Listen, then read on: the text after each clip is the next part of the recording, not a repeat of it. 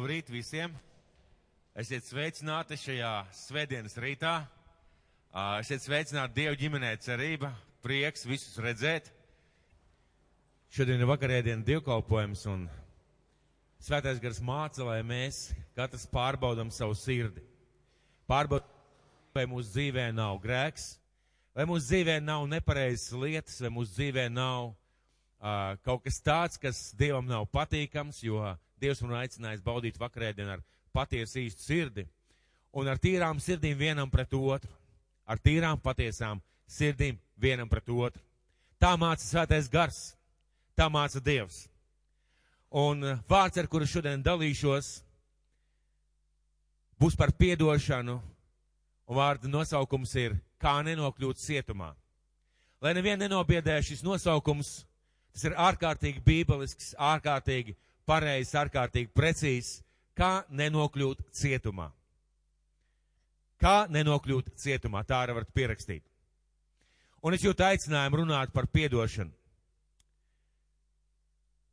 Par šo brīnumu, īstenībā par šo brīnumu, par šo nepelnīto Dieva dāvanu, ko Dievs mums ir devis, ko mēs esam saņēmuši, ko mēs esam piedzīvojuši, ka Jēzus Kristus ir mums piedevis visus mūsu grēkus. Jēzus ir piedevis visus mūsu grēkus, visus pārkāpumus, visus noziegumus. Un tajā mirklī, kad mēs nācām pie viņa, viss tika izdzēsts un pazuda. Vienkārši tas vairs neeksistē, un Dievs skatās uz mums caur savu dēlu Jēzus Kristus, upuru un glābšu un glābjošo nāvi. Jēzus nomira par mums un samaksāja par mums. Un par šo brīnumu, par šo piedošanu, ko mums jādāvina citiem cilvēkiem, lai mēs būtu Dieva bērni. Ir svarīgi saprast, kā mēs esam piedzīvojuši piedošanu, un tas ir bijis brīnums. Bijis brīnums, ka mums ir piedots, ka smaguma nasta, kā nepiedošanas nasta, ka šīs lietas ir aizgājušas no mūsu dzīves, un par to, ka mums ir jādāvina šis brīnums. Mums ir jādāvina šis brīnums cilvēkiem, kas ir mums apkārt, ar ko mūsu dzīves sadurās, lai mēs būtu kā Dieva bērni. Lai mēs būtu kā cilvēki, kuri var teikt, es esmu Dieva bērns. Un pasaulē ļoti daudz sarūktinātu, aizvainotu, nepiedevušu un nepiedodošu cilvēku. Ārkārtīgi daudz. Un, diemžēl, arī no kristiešiem. Diemžēl arī no cilvēkiem, kuri saka, es ticu uz Kristu, es eju baznīcā, es kalpoju. Un, ja mēs skatāmies pasaulē, mēs skatāmies vēsturē, mēs redzam, ka lielākā daļa laulību šķiršanu, kāru, nelaimju, noziedzības nāk no tā, ka cilvēki nepiedod, ka cilvēki nav piedevuši, ka cilvēki nav spējuši atlaist to, ko viņiem ir izdarījis kāds, vai kāds, kas viņiem licies, ka viņiem kāds ir izdarījis. Un arī draudzē, visas šķelšanās, visas nesaticības, tas, ka draudz bieži nespēja iet uz priekšu, nāk tikai no nepiedošanas, pārsvarā tikai no nepiedošanas.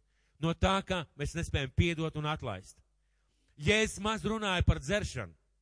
Vai jūs pamanījāt, Jēzus maz runāja par dzeršanu? Dieva vārdā nav daudz runāt par tādiem grēkiem kā zakšana, laulības pārkāpšana, dzeršana, dažādas citas lietas. Ārkārtīgi maz. Tiek pieminēts kā fakts, un tas arī ir viss.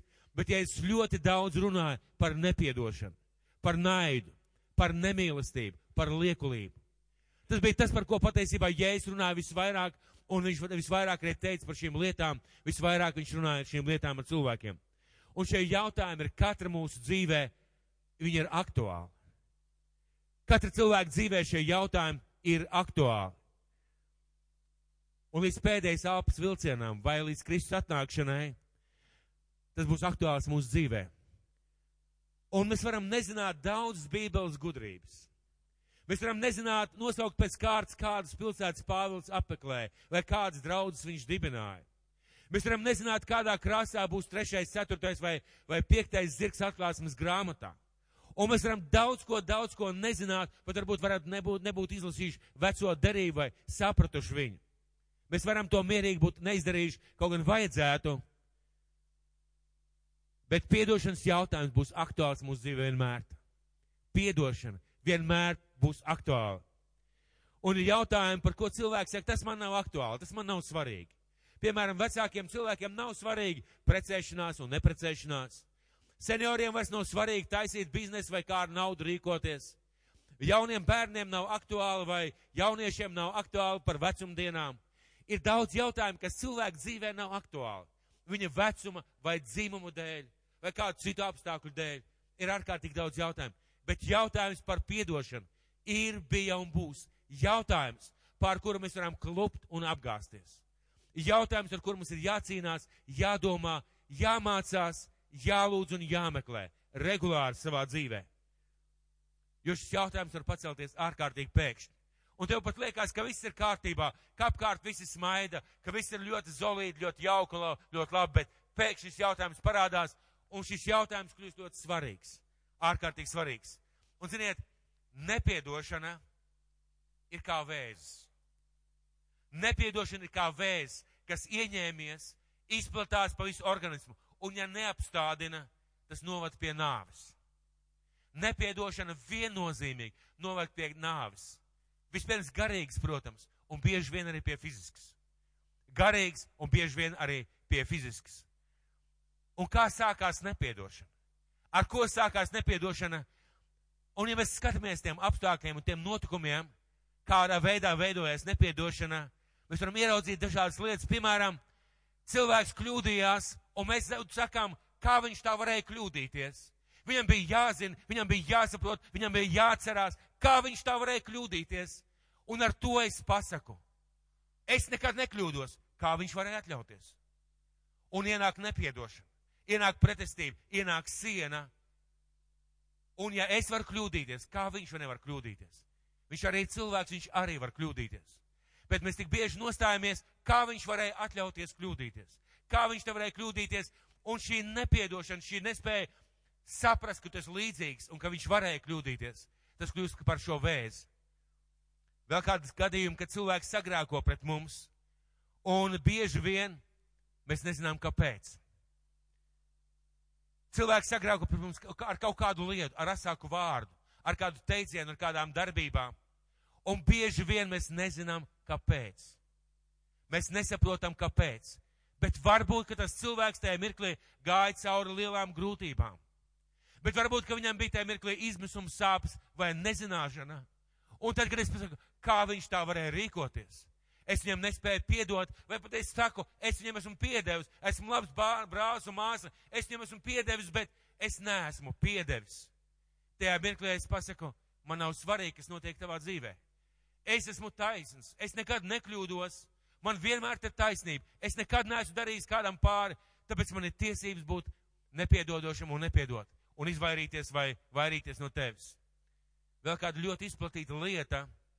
Viņš nerīkojās tā, kā es domāju, kā vajadzētu. Viņš nerīkojās tā, kā es domāju, kā vajadzētu. Un tas man dod iespēju, tas man dod iespēju būt dusmīgam, apvainojušamies un nepiedot. Un mēs nekad nezinām, kāds bija viņa sirds motīvs. Redziet, kad Kristus māca, kad Dievs māca par kalpošanu, kad svētais gars runā par kalpošanu, viņš runā par trīs lietām. Tā lielā mērā par trīs lietām var izdalīt. Pirmām kārtām, kāds bija tavs motīvs? Kāds bija tavs motīvs, ka tu nepareizi nokrāsoji grīdu? Varbūt tu vienkārši nemācēji, varbūt tu vienkārši nezināji, varbūt tev vienkārši pietika, pie, nebija šīs zināšanas, un kā es varu dusmoties, kā es varu nepiedot. Varbūt, ka šis cilvēks zināja un saprata labāk nekā tev liekas. Varbūt viņš zināja labāk nekā tev liekas, varbūt viņš skatījās uz tavu darbību un saprata vienu lietu. Saprata vienu lietu. Un viņam Dievs svētais gars runāja, kas zina labu darīt, bet nedara. Tas tam ir par grēku. Jo varbūt, ka kāds cilvēks centīgi kaut ko draudzē dara, un ziniet, ir tāds teiciens, lai, lai man kāds piedod, Mēs runājam par piedošanu, pareizi. Bet septiņi gudrie nevar izstrēpt to, ko viens muļķis var savārīt. Un, kad tu skaties, ka kāds nepareizi rīkojās, un tu iejaucies un saki, nē, nē, tā nedarīsim, tad neapšaubām var būt reakcija. Tu man neusticies, tu mani kontrolē, tu man pārmet, es tagad esmu dusmīgs, es tagad esmu aizvainots. Jautājums vienmēr ir sirds motīvs. Kāpēc cilvēks to darīja? Un Pāvils savā vēstulē, ja nemaldos tesaloniķiešiem, viņš raksta tādu, tādus vārdus, es mēģināšu tagad no galvas. Viņš raksta tādus vārdus, jūs zināt, brāļi, par mūsu iepriekšējām ciešanām Filipos un par pazemojumu, ko mēs tur piedzīvojām. Bet mēs mūsu Dievā smēlāmies drosmi sludināt jums evaņģēliju. Vienā vietā viņiem neveicās, un tad viņi sludina evaņģēliju citā vietā. Un tālāk Pāvils raksta, jo mūsu sludināšanas pamatā nav netīri nodomi vai, vai ambīcijas. Mēs arī saprotam, ka Kristus mūs ir aicinājis, un mēs nemeklējam slavu un atzīmi ne no cilvēkiem, ne no kāda, un paši arī sev mēs nemeklējam. Vissvarīgākais ir sirds motīvs. Un kā cilvēki bieži vien tā ir lielākā nelaime. Lielākā nelaime, kāpēc cilvēki nepiedod, kāpēc cilvēki dzīvo dusmās, kāpēc cilvēki noraida, kāpēc cilvēki saka, kad draudz paliks garīgāk, es iešu uz baznīcu. Kad draudz būs labāk, es iešu uz baznīcu. Tu nezini motīvus. Tu nezini, kāpēc, kas notiek. Tu nezini iemeslus. Un tu jau tiesā, un tu jau nosodi. Un es minēšu jums kādu piemēru, ko man izstāstīja kāds cilvēks. Jūs ziniet, ka Rīgas doma pēdējos gadus, pēdējos varbūt 5, 7 gadus, diezgan dāsni dalījusi dažādas lietas. Dāvanas, paciņas, uh, velta braukšana, dažādas lietas. Un šis cilvēks strādā sociālajā dienestā, un kas tagad notiek? Cilvēki, kuri saņēma piecus gadus uz Ziemassvētkiem 40 eiro pabalstu, kas bija vienkārši kā dāvana, vai paciņas kādas palīdzības, kas bija vienkārši pagāda dāvana. Viņi tagad nāk uz sociālo dienu un saka, jā, jūs mums nogrā, nokrāpāt. Kāpēc mums nepienāk, kāpēc mums nav? Es jau zinu, tagad viss aiziet tiem migrantiem. Es jau zinu, tagad visiem tiem bēgļiem aiziet. Jums pensija, jums prēmijas tagad noteikti pieliek. Šiem cilvēkiem neviens nekad neapsolīja, ka būs mūžīgi. Šiem cilvēkiem neviens nekad nepateica, tagad mūžīgi mūžam līdz laika beigām, bet šie cilvēki pieņēma un tagad viņi staigā dusmīgi un sajīguši. Un viņi vaino valsti, vaino darbiniekus, un ir daudz, daudz problēmu. Cilvēki ir sarūktināti jo viņi nezina motīvu. Motīvs bija vienkārši palīdzēt, kad varējām. Šobrīd vairs nav tādas iespējas, mēs vairs nepalīdzam. Tāpēc vienmēr ir svarīgs motīvs. Un ļoti bieži, ļoti bieži mēs sevi neredzam, mēs sevi neredzam savās acīs. Mēs redzam, kāds ir cilvēks, kāds ir brālis, mēs neredzam sevi. Un uh, Mateja evaņģēlijas septītā nodaļa. Sākot ar pirmo līdz piektajam pantam. Tas ir ļoti saistīts ar piedošanu, jo vienkārši būtu pateikt, ir vienkārši jāpiedod, vienkārši jāpiedod, vienkārši jāmīl. Pamēģināsim ieraudzīt, no kurienes nāk šī nepiedošana. Un sakot no pirmā panta, netiesājiet, lai jūs netaptu tiesāt. Jo ar kādu tiesu jūs tiesājat, ar tādu jūs tapsiet tiesāt, ar kādu mēru jūs mērojat, ar tādu jums taps atmērots. Bet ko tu redzi skabargu sava brāļa acī, bet baigi savā acī neieraugi? Jeb kā tu vari sacīt uz savu brāli, laid, es izvilkšu skabargu no tavas acis un redzi baļķis tavā paša acī. Liekuli, izvelc pa priekšu baļķi no savas acis un tad lūko izvilkt skabargu no sava brāļa acis. Un ja es šeit ļoti iedomājieties skabargu un baļķi, labs salīdzinājums, pareizi. Iedomājies, tu redzi skabargu brāļa acī, ka viņš nav tāds, ka viņš nav tāds, un tavā sirdī ir nepiedošana, un tu pats savā, baļķi, savā acī neieraugi baļķu krāvumu. Tur varbūt jau sakrāvies baļķu krāvumu, ziniet, kādreiz, kad zāģēja mežu, jā, lielas grēdas tādas, jā. Jeb, jeb, jeb nogāzti koki, vesels mežs ar nogāztiem kokiem tavā paša acī, tavā dzīvē, un tu skaties uz brāli, laidis tev izvilkšu to skabargu. Un jāsaka, nedariet tā. Ja jūs tādā veidā dzīvojat, jūs tiesājat un jūs paši neredzat sevi. Kas notiek nepiedodošā cilvēkā? Kas notiek nepiedodošā cilvēkam. Es jau minēju, ka es šo nepiedošanu redzu kā vēzi. Un svētais gars vēstulē ebrejiem. Viņš runā par to, kā izskatās nepiedodošs cilvēks sirds. Vēstulē ebrejiem 12. nodaļa, 14. 15. pants. Dzenieties pēc miera ar visiem un pēc svētas dzīves, bez kā neviens neredzēs to kungu. Pielūkodam, ka neviens nezaudētu Dieva žēlastību, lai nekāda rūkta sakne augstu uzaugusi jums nekaitētu un daudzi ar to netiktu apgānīti. Pielūkodam, ka neviens nezaudētu Dieva žēlastību, lai nekāda rūkta sakne augtu, iz, augstu izaugusi, jums nekaitētu un daudzi ar to netiktu apgānīti. Un es šeit redzu nepiedošanu kā Latvānu. Kā Latvānu. Ziniet, kāpēc? Jo izrādās, ka viņu var nopļaut un daudz gadus jāpļauj, un vienalga viņš lien ārā. Neesmu pārbaudījis precīzi, bet esmu dzirdējis, ka šī sakna iet pat līdz trijiem metriem dziļumā. Ne ar ko nevar iznīdēt. Tu viņu nopļauj vienu gadu, otru gadu, trešo gadu, un viņš lien ārā. Un šis te Latvāns, viņš ir pilns indas. Un līdzīgi skatoties uz šo vietu, kur mēs lasām, ka, lai nekāda rūkta sakne, tad ir sakne. Šis rūgtums, šī nepiedošana, un rezultātā tas izaug kā liels koks. Kā liels koks tavā dzīvē, kas pamazām saindē tavu dzīvi. Un eh, šeit ir rakstīts, šeit vēl ir rakstīts tā, un jums nekaitēt un daudz ar to netikt apgānīt. Lielākā problēma, kā mēs aizskaram cilvēku dzīves ar nepareizām lietām, ir nepiedošana. Jeb nepiedevuši cilvēku sirds. Tā ir pilns, pilna rūgtuma, žults, ko, uh, ko, komentāru, dažādu pārmetumu, dažādu aizrādījumu. Tas ir līdzīgi kā šī Latvāņa, kā šī Latvāņa inde. Man šajā, man pagājušajā vasarā bija iespēja ar to saskarties un piedzīvot. Es biju aizgājis makšķerēt un uh, atnācu mājās pēc divām dienām. Sāk parādīties jocīgi kaut kāda pleķa pēc divām dienām. Sāk parādīties jocīgi kaut kāda pleķa uz kakla. Es domāju, nu kas mazums? Pamazām viņi sāk piepamt, pamazāk viņi sāk uztūkt un beigās es staigāju ar tādu apsēju. Tas bija Latvāns. Pat nejūtu, kā viņam pieskāros. Pat neieraudzīju, kurā mirklī, bet šī te inde viņa manī, viņa pieskārās, viņa aizskāra manu, manu, manu ādu, un rezultāts bija tāds, ka ienāca šī problēma manā dzīvē, veselības problēma. Un līdzīgi ir ar nepiedošanu.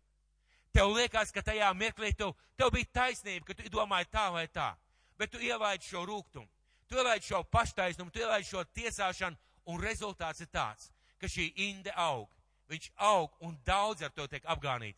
Esmu redzējis, kā dievkalpojumi pēc, kā cilvēki pēc dievkalpojuma sapulcina pulciņu savu līdzjutēju lī, uh, lī apkārt un skaidro, cik, cik nepareizi tas, cik nepareizi tas, cik nepareizi tas. Esmu redzējis, kā cilvēki, kad, kad, kad, kad saka, piemēram, tas draudzē labs un tas draudzē labs, un tad cilvēks saka, jā, bet nemaz jau tik labs nav, jo redzi, tur tas un tas, tur tas un tas, tur tas un, un tas brālis, tas un tas. Tas ir kā inde. Kāpēc es par to šodien runāju, mīļie? Mums nevajag, mums nevajag divbīgu, liekulīgu dzīvošanu. Mums vajag patiesu evaņģēliju, ar patiesu atgriešanos un ar patiesu nožēlu. Mums nav vajadzīgs sanākt baznīcā skaisti smaidīt un uh, izējot ārā pa durvīm aizsirs durvis, garīgi ienīstot cilvēkus vai nemīlot cilvēkus. Kāpēc? Jo Kristus ir nomiris. Un viņš mums dāvāja šo dāvanu vienkārši par velti. Vienkārši ne par ko. Tikai tajā mirklī, kad mēs piesaucām viņu vārdu, teicām, Jēzu piedod man, un daudz cilvēku ir lūguši. Daudz cilvēku lūgš, Dievs piedod man, ja tu vari. Un viņš varēja. Un tad mēs stāvam baznīcā vai esam baznīcā, un mēs nevaram piedot. Mēs nevaram aizmirst. Mēs nevaram nolaisties līdz tām lietām. Mēs nevaram saprast, kā viņš rīkojas savādāk, kāpēc viņš runāja savādāk, kāpēc viņš teica savādāk. Mēs neesam gatavi izrunāties, un mēs neesam gatavi runāt par šīm lietām. Rūkt sakne visbiežāk sākās no nepiedošanas, no rūgtuma, ko paturam sevī. Kad mācekļi redzēja jēzus kalpošanu, Viņi redz, ka Jēzus kalpo ar lielu spēku, ar lielu svaidījumu. Viņi redz, ka Jēzus uzliek rokas tīzliem, slimiem, kurliem, akliem un pat mirušajiem, un viņi ceļās augšā. Un redzot šo viņa svaidīto spēcīgo kalpošanu, viņi nāk pie Jēzus, saka, māci kungs mūsu dievu lūgt. Un jocīgs jautājums, jo viņi nāca no ebreju kultūras. Viņi no maziem, mazajām dienām gāja uz sinagogu. Viņi no mazām dienām bija mācījušies lūgt Dievu, bet viņi redz, ir kaut kas savādāks. Pavisam savādāk kalpošana, savādāk rezultāti. Un viņi nāk pie Jēzus un saka, māc mums Dievu lūgt. Un Mateja evaņģēlijā, sastajā nodaļā, Mateja evaņģēlijas, sastā nodaļa, 9. līdz 15. pants.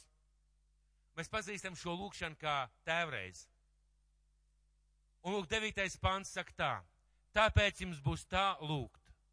mūsu Tēvs debesīs, svētīts lai top tavs vārds, lai nāk tava valstība.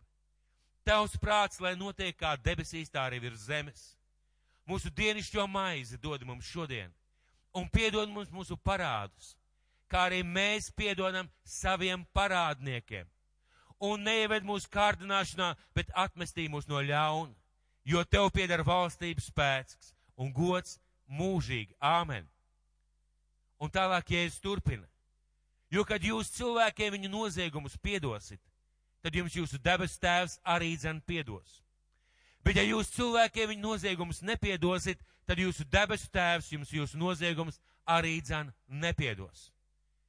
Dievs arī dzen piedos, un Dievs arī dzen nepiedos, izrādās atkarīgs no manis.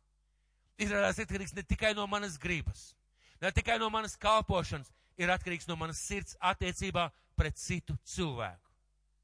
Attiecībā pret citiem cilvēkiem, attiecībā pret to, kā es ieeju kopā ar viņiem.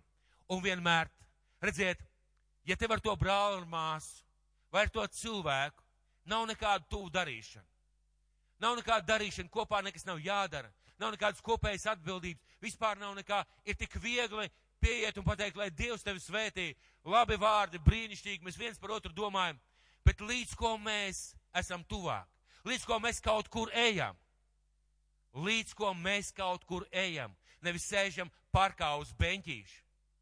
Mūsu intereses sadursies, mūsu domas sadursies, mūsu raksturi, mūsu idejas, mūsu sapratnes sadursies, un ja tajā mirklī mēs nespējam pieņemt otru cilvēku, uzklausīt, un pat ja viņš kļūdās, piedot vai ieraudzīt baļķi savā acī, mēs ielaižam šo rūkumu un mēs nespējam piedot. Un pēc tam, kas notiek? Iedomājieties, Dievs tev nepiedod. Mēs varam skaitīt šo pirmo daļu lūkšanai, bet ja mēs nepiedodam, Dievs mums nevar piedot. Un kā no iekšienes Jēzus acīs izskatās šī nepiedošana? Viņš stāstīja kādu ļoti labu līdzību. Un Mateja evaņģēlijas 18. nodaļa, 21. pants, 18. 18. nodaļa. 21. līdz 35. pāns. Tad Mateja evaņģēlijas 18. nodaļa no 21. līdz, līdz 35. pantam. Tad Pēters piegāja pie viņa sacīja, kungs, cik kārt man būs piedot savam brālim, kas pret mani grēko? Vai ir diezgan septiņas reizes? Kāpēc viņš tā jautāja par šīm septiņām reizēm? Tajā laikā ebreju gudrie mācīja, ka ir labi piedot savam brālim trīs reizes. Ja tu trīs reizes vari piedot, tu esi garīgs cilvēks.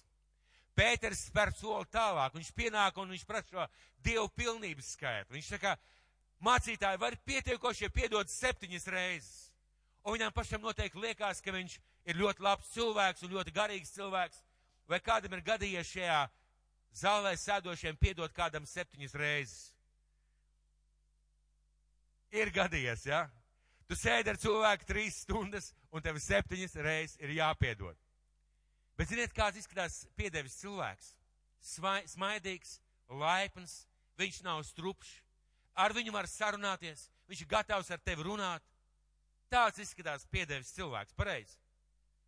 Atmet sīkumiem ar roku, izrunā, kā mēs darīsim vai ko mēs nedarīsim, un vienkārši tu ej tālāk bet nepiedevis cilvēks izskatās daudz savādāk, kāds jūs varbūt paši ziniet. Un lūk, Pēter un Jēzus viņam atbild. Jēzus saka uz to, es tev nesaku septiņas reizes, bet septiņdesmit reizes septiņas. Septiņdesmit reizes septiņas, es nezinu, bet kāds ir paskaitījis ik pa divām minūtēm. Ik pa divām minūtēm kāds pret tevi grēko. Un pēc tam saka, piedod man, es tā negribēju. ilgi būtu grūti uzturēties, pareizi. Bet, ja es saku septiņi, bet, ja es saku 70 reizes, septiņas reizes, 70 reizes, septiņas reizes. Un tālāk, ja es viņam sāku stāstīt šo līdzību. Tāpēc debesu valstība ir līdzīga ķēniņam, kas ar saviem kalpiem gribēja norēķināties. Un kad viņš iesāka norēķinu, viņam pieveda parādnieku, kas tam bija parādā desmit tūkstoši talantu. Bet, kad tas nespēja samaksāt, tad kungs pavēlēja to pārdot ar sievu un bērniem un visu, kas tam bija, un samaksāt. Tad kāps krita pie zemes un viņu gauži lūdzu sacīdams, cieties ar mani, es tev visu nomaksāšu. Tad kungam palika kalpa žēl, un viņš to palaida un parādu tam atlaida. Nevis atlika uz vēlāku laiku, nevis pateica, nu kad varēs, tad atmaksās, bet vienkārši atlaida. Vienkārši atlaida. Tas parāda Dieva žēlastību mūsu dzīvē un ko Dievs ir izdarījis. Bet šis pats kalps, un šeit ir runa par mums. Šis pats kalps, un šeit ir runa par mums. Izgāja ārā, sastap vienu no saviem darba biedriem, un mēs visi strādājam kopā. Kas tam bija parādā, simts denāriju parādā. Viņš to satvēra, žņaudz un sacīja: Maksā, ko esi parādā. Tad viņa darba biedrs krita tam pie kājām, lūdzās un sacīja: Cieties ar mani, es tev samaksāšu. Bet viņš negribēja un nogāja to iemet cietumā, iekamsta savu parādu, samaksā. Kad viņa darba biedri to redzēja, tad tie ļoti noskuma. Tie aizgāja un izstāstīja savam kungam visu, kas bija noticis. Tad viņa kungs to pasauca un tam sacīja: Tu nekrietnais kalps, vai visu šo parādu es tev, visu šo parādu es tev atlaidu, kā tu mani lūdz? Vai tad tev arī dzen nebija apžēloties par savu darba biedru, kā es par tevi esmu apžēlojies? Un viņa kungs apskaitās un nodeva to mocītājiem, kamēr tas samaksā visu, ko viņš tam bija parādā. Tā arī mans debesu tēvs jums darīs, ja jūs ikviena, ikviens savam brālim no sirds nepiedosiet. Mēs sakam, ka Dievs ir žēlsirdīgs, piedodošs, mīlestības pilns Dievs. Bet ir lietas, kurām Dievs pāri nespēja kāpt. Un viņš nespēja kāpt pāri tavai nepiedošanai, tavam rūgtumam, tavam aizvainojumam pret brāli, pret māsu un pret cilvēkiem. Dievs nespēja tam kāpt pāri. Šajā, šajā līdzībā Jēzus stāsta par, par, cie, par to, ka šis kalps, kungs teica, ka es tevi iemetīšu cietumā. Un uh, kāds liktenis gaidīja šo cilvēku. Šis cilvēks parasti pavadīja cietumā ilgus gadus, pārdeva viņa mantu, viņa ģimeni verdzībā pārdeva, kamēr tika samaksāts viss. Vai tika gaidīts, kamēr radinieks samaksās par šo cilvēku, un daudz tā arī nesagaidīja. Un šāds liktenis mūs visus gaidīja, mīļie brāļi un māsas. Mūs visus gaidīja tāds liktenis, bet tajā mirklī, kad mēs teicām, kungs Jēzu, piedod manus grēkus. Piedod manus grēkus, manus noziegumus, es atdodu tev savu dzīvi. Tajā mirklī Dievs visu nodzēs. Dievs visu nodzēs. Un tad, kad mēs esam izgājuši ārā, tiekamies ar saviem darba biedriem un spriežam tā, es viņam nepiedošu. Es nevaru ar viņu runāt. Man ir gadījies, man ir gadījies manas kalpošanas dēļ. Ļoti daudz sastapties ar cilvēku domām, idejām vai viedokļiem. Un, ja es viņiem nepiekrūtu, nepiekrītu, bieži šie cilvēki uzmet lūpu. Viņi pirmkārt ne, nezina man, manus motīvus. Bieži vien mācītāji cieš no tā, ka cilvēki nezina viņu motīvus. Ka cilvēkiem ir aizdomas, pārdomas, savs spriedums, kādam vajadzētu būt kalpotājiem vai mācītājiem. Un tu runā to cilvēku, un ir šī domstarpība. Pēc tam tu nāc pie viņa un teici, klausies, brāl, es gribētu ar tevi parunāt. Es negribu runāt. Man nav ko runāt. Man ir viss skaidrs. Un tēlo tu cik gribi pēc tam garīgu cilvēku. Ja tu nespēji runāt, ja tu nespēji izrunāt šīs lietas, kā Bībele saka, ja tavam brālim kaut kas par tevi ej un runā, tu nevari uzskatīt sevi par garīgu cilvēku, un tu nevari uzskatīt, ka tev pašam ir piedots. Jo tu nogrieznos to, ko Jēzus pateica. Tev nevar piedot. Un ja es stāstu šajā liecībā, un iet runa par to, ka tad viņa darbietis krita tam pie kājām, lūdzu, sacīja, cieties ar mani, es tev samaksāšu. Bet viņš negribēja. Viņš negribēja. Atslēgas vārds cilvēks negribēja. Nevis viņš nevarēja, bet ļoti bieži un pārsvarā viņš negrib. Jo man ir taisnība. Man bija pareizi. Es nekad nekļūdos. Es vienmēr esmu taisns. Man vienmēr ir taisnība, un es negribu piedot, un es negribu runāt, un es negribu izlīdzināties. Es negribu. Nogāja un to iemet cietumā, tiekams tas savu parādu samaksā. Par tām beigām zinām, šeit runa ir par cietumu. Un kādā cietumā, kādā cietumā Par kādu cietumu šeit iet runa? Par tā cilvēka, kas nepiedod sirds cietumu. Un viņa sirdī ir šis cietumnieks, kur viņš apsargā no visas savas sirds, par kur viņš, kur viņš domā ļaunas domas, par kuru viņš atcerās, vienmēr aizrāda, vienmēr pārmet, vienmēr satikšanās gadījumā iekšēji uzpurpina. Viņa sirdī ir šis cietums, un cieš viņš pats patiesībā, cieš pats šis cilvēks. Viņš pats cieš, viņš pats ir šajā cietumā, un vispirms viņš pats šajās ķēdēs, šis ķēdes viņu saista. Viņš tur šo otru cilvēku un cieš pats, cik viegli, cik patīkam ir būt cietumsargam. Cik viegli un cik patīkam ir būt cietumsargam. Ar domu tu man samaksās. Cik tas ir patīkami, cik tas ir viegli patiesībā tā ir nāve un tas cietums pašam priekš sevis. Nāve un cietums pašam priekš sevis. Un kāds, kādas sekas kādas sekas tam visam Dievs nevar piedot. Un šeit ir rakstīts, viņa kungs apskaitās un nodeva to mocītājiem, kamēr tas samaksā visu, ko viņš tam bija parādā. Tā arī mans dabas tēvs jums darīs, ja jūs ik viens savam brālim no sirds nepiedosiet. Kaut kas ir izaudzis no ļaunuma, no nepiedošanas, no rūktas saknes, un mēs tajā dzīvojam. Un, kāpēc, un kas notiek ar šiem cilvēkiem, kas tā dzīvo? Kas notiek ar šiem cilvēkiem, kas tā dzīvo? Un Dievs mūs brīdina, pirmām kārtām, ļoti daudz cilvēki neiet uz draudz tieši tā iemesla dēļ. Viņi ļāvuši šai rūktajai saknei izaugt sevī. Viņi nav pieņēmuši, ka Dievs mīl tos cilvēkus, kādi viņi ir visapkārt. Viņi nav pieņēmuši, ka viņi paši ir pilnīgi neperfekti un neideāli, ka viņi nemaz varbūt nav pelnījuši to ideālo draudz, pēc kura viņi tiecās. Viņi neiet uz draudz. Viņi staigā, dzīvo pa mājām, viņi uzskata, ka viņiem neko nevajag. Ja jūs šodien aiziet uz kādu konferenci, atbrauc slavens sludinātājs uz Latviju, jūs ieraudzīsiet kaudzēm cilvēkus, kuri ir pašpietiekoši.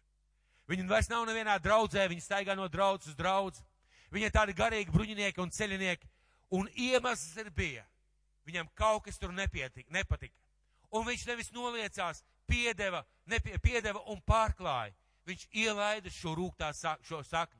Un šī sakna viņu saindēja. Un tad viņš saindēja citus cilvēkus sev apkārt. Cilvēki nekalpo Dievam vai kalpo ar rūktu sirdi nekalpo dievam vispār vai kalpo ar rūktu sirdi. Un Dievs tādu kalpošanu nepieņem. Un patiesībā viņš palaiž garām savu aicinājumu. Ja tu neesi piedevis, ja tu neesi piedevis, ja tu neesi iemācījies piedot, tu laid garām savu aicinājumu. Tu laid garām savu misiju savā dzīvē. Tu laid garām to, ko Dievs tev bija paredzējis. Jo ja Dievs tev nepiedod, ko tu vari izdarīt? Un Dievs skaidri pateica, es lepniem stājos pretīm un pazemīgiem dodu žēlastību. Es lepniem stājos pretīm un pazemīgiem, pazemīgiem dodu žēlastību. Un šie cilvēki parasti palaiž garām savu aicinājumu un nenodiet sev Dievam. Un eh, kāpēc mēs šodien runājam? Ne lai pateikt, ka mēs esam slikti vai kā kāds ir slikts. Mēs šodien runājam tāpēc, ka šī situācija ir un būs visu mūžu mūsu dzīvē. Kamēr mēs elpojam, kamēr mēs satiekam kaut vienu cilvēku, kamēr mums ir savas domas, savas idejas un savi priekšstati. Tā būs, vienkārši tā būs. Vienkārši tā būs. Mums ir jāiemācās piedot un iet tālāk. Piedot, noliekties un iet tālāk. Jo mēs neesam aicināti nodzīvot savu dzīvi bezjēdzīgi un tukši. Un kā izpaužās?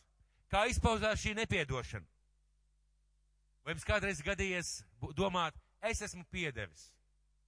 Esmu piedevis, viss ir kārtībā, man nav nekāda problēma ar to māsu, brāli vai ar to cilvēku. Es esmu piedevis, bet līdz ko jūs viņu ieraugat? Vai jums viņš pienāk trīs soļu attālumā? Kaut kas uzvermī.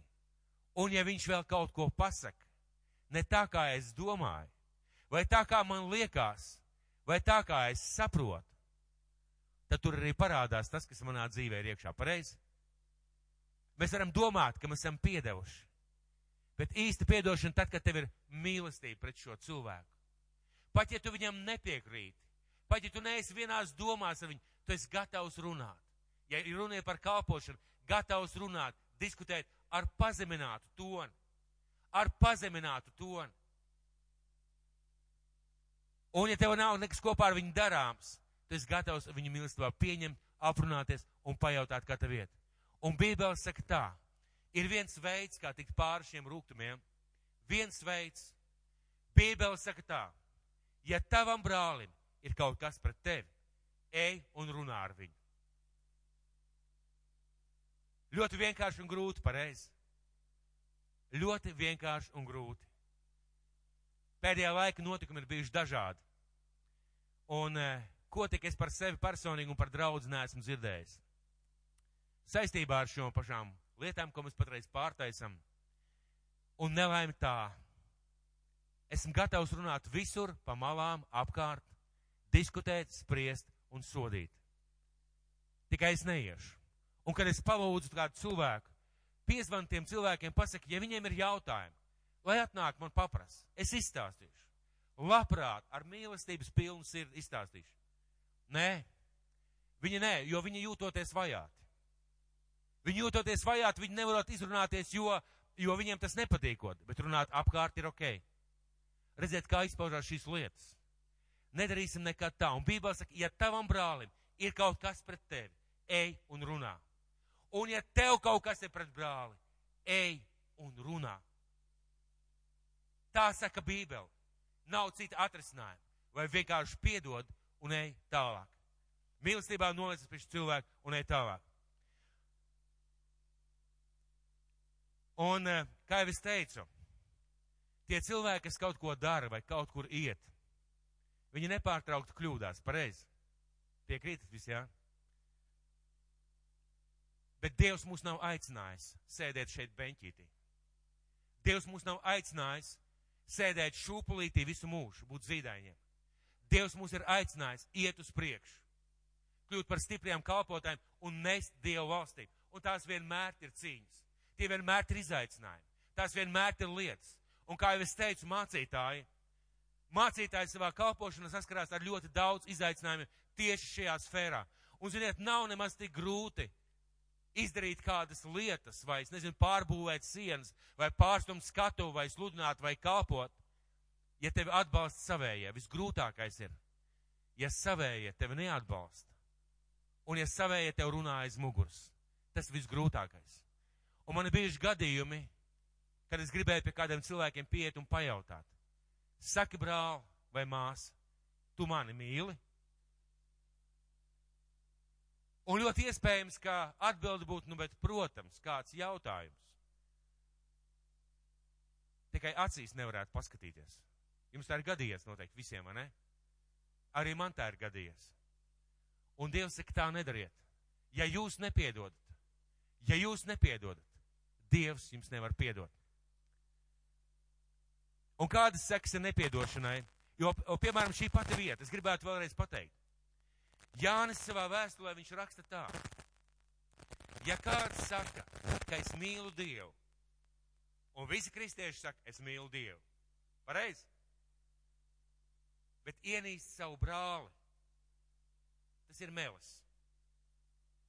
Te ir svētā gara vārda. Jo kā tu vari mīlēt Dievu, ko tu neesi redzējis, ja tu nespēji mīlēt savu brāli, ko tu esi redzējis? Un ja mēs skatāmies uz Kristus kalpošanu, mēs skatāmies uz Kristus kalpošanu, viņš bija diezgan skarbs pret farizējiem un saduķējiem. Bet ar kādiem motīviem viņš to teica? Kāpēc viņš to teica? Kad mēs skatāmies, ka viņš kalpo visiem cilvēkiem, viņš kalpoja saviem mācekļiem, viņš kalpoja slimiem, izliem, kropliem, akliem un grēciniekiem, un viņš mīlēja šos cilvēkus. Un tieši tāpēc, ka viņš mīlēja, viņš spēja nomirt par šiem cilvēkiem. Lai mēs spētu nomirt priekš sevis un par cilvēkiem, mums ir jāmīl un jāiemācās piedot. Un kādas sēkas nepiedošanai? Ļoti vienkārši Dievs nevar mums piedot. Dievs nevar mums piedot. Un iedomājies, Dievs nespēja tev piedot. Dievs nespēja tev piedot. Un tāpēc es gribētu aicināt mūsu slavētājus uz skatuves. Es zinu, ka arī šajā zālē ir cilvēki, kuri nav piedevuši, kuri nespēja piedot, kuri nespēja aizmirst. Un es zinu, ka tas, kas mums ir vajadzīgs pirms šobrīd un vakarēdien, mums vajag iemācīties piedot un piedot. Un es gribētu aicināt uz lūgšanu par piedošanu. Lai Dievs piedod mūsu nepiedošanu un lai Dievs palīdz mums piedot. Un pieņem lēmumu. Pieņem lēmumu. Iet pie brāļa vai māsas un izrunāties. Un pieņem lēmumu, ja tavam brālim kaut kas ir pret tevi, iet un runāt ar viņu. Tas ir vienīgais veids, kā nokārtot šīs lietas. Un tad tu esi ārā no cietuma. Tu esi izlaidis šo cilvēku. Viņš vairs nav tavā cietumā. Tev viņš vairs nav jāsargā, un tev ir brīvība. Un, ziniet, ir patiesa brīvība būt piedevušam, un ka tev ir piedots. Un tas ir atkarīgs tikai un vienīgi no mums. Un šodien un tagad piedosim. Un kāds teiks, kā tā var uz pasūtījumu? Pieņem lēmumu piedot. Vienkārši pieņem lēmumu piedot. Un visiem. Kā var visiem piedot? Pieņem lēmumu piedot visiem. Un pirms mēs baudīsim vakarēdienu, es gribu aicināt jūs šo lūkšanu. Un lai arī kas arī bijis, un lai arī kā arī būs, vienkārši pieņem lēmumu, ka tu piedosi, ka tu dosi brīvību, ka tu parādīsi pazemību, lēnprātību un mīlestību, un ka tu iesi tālāk.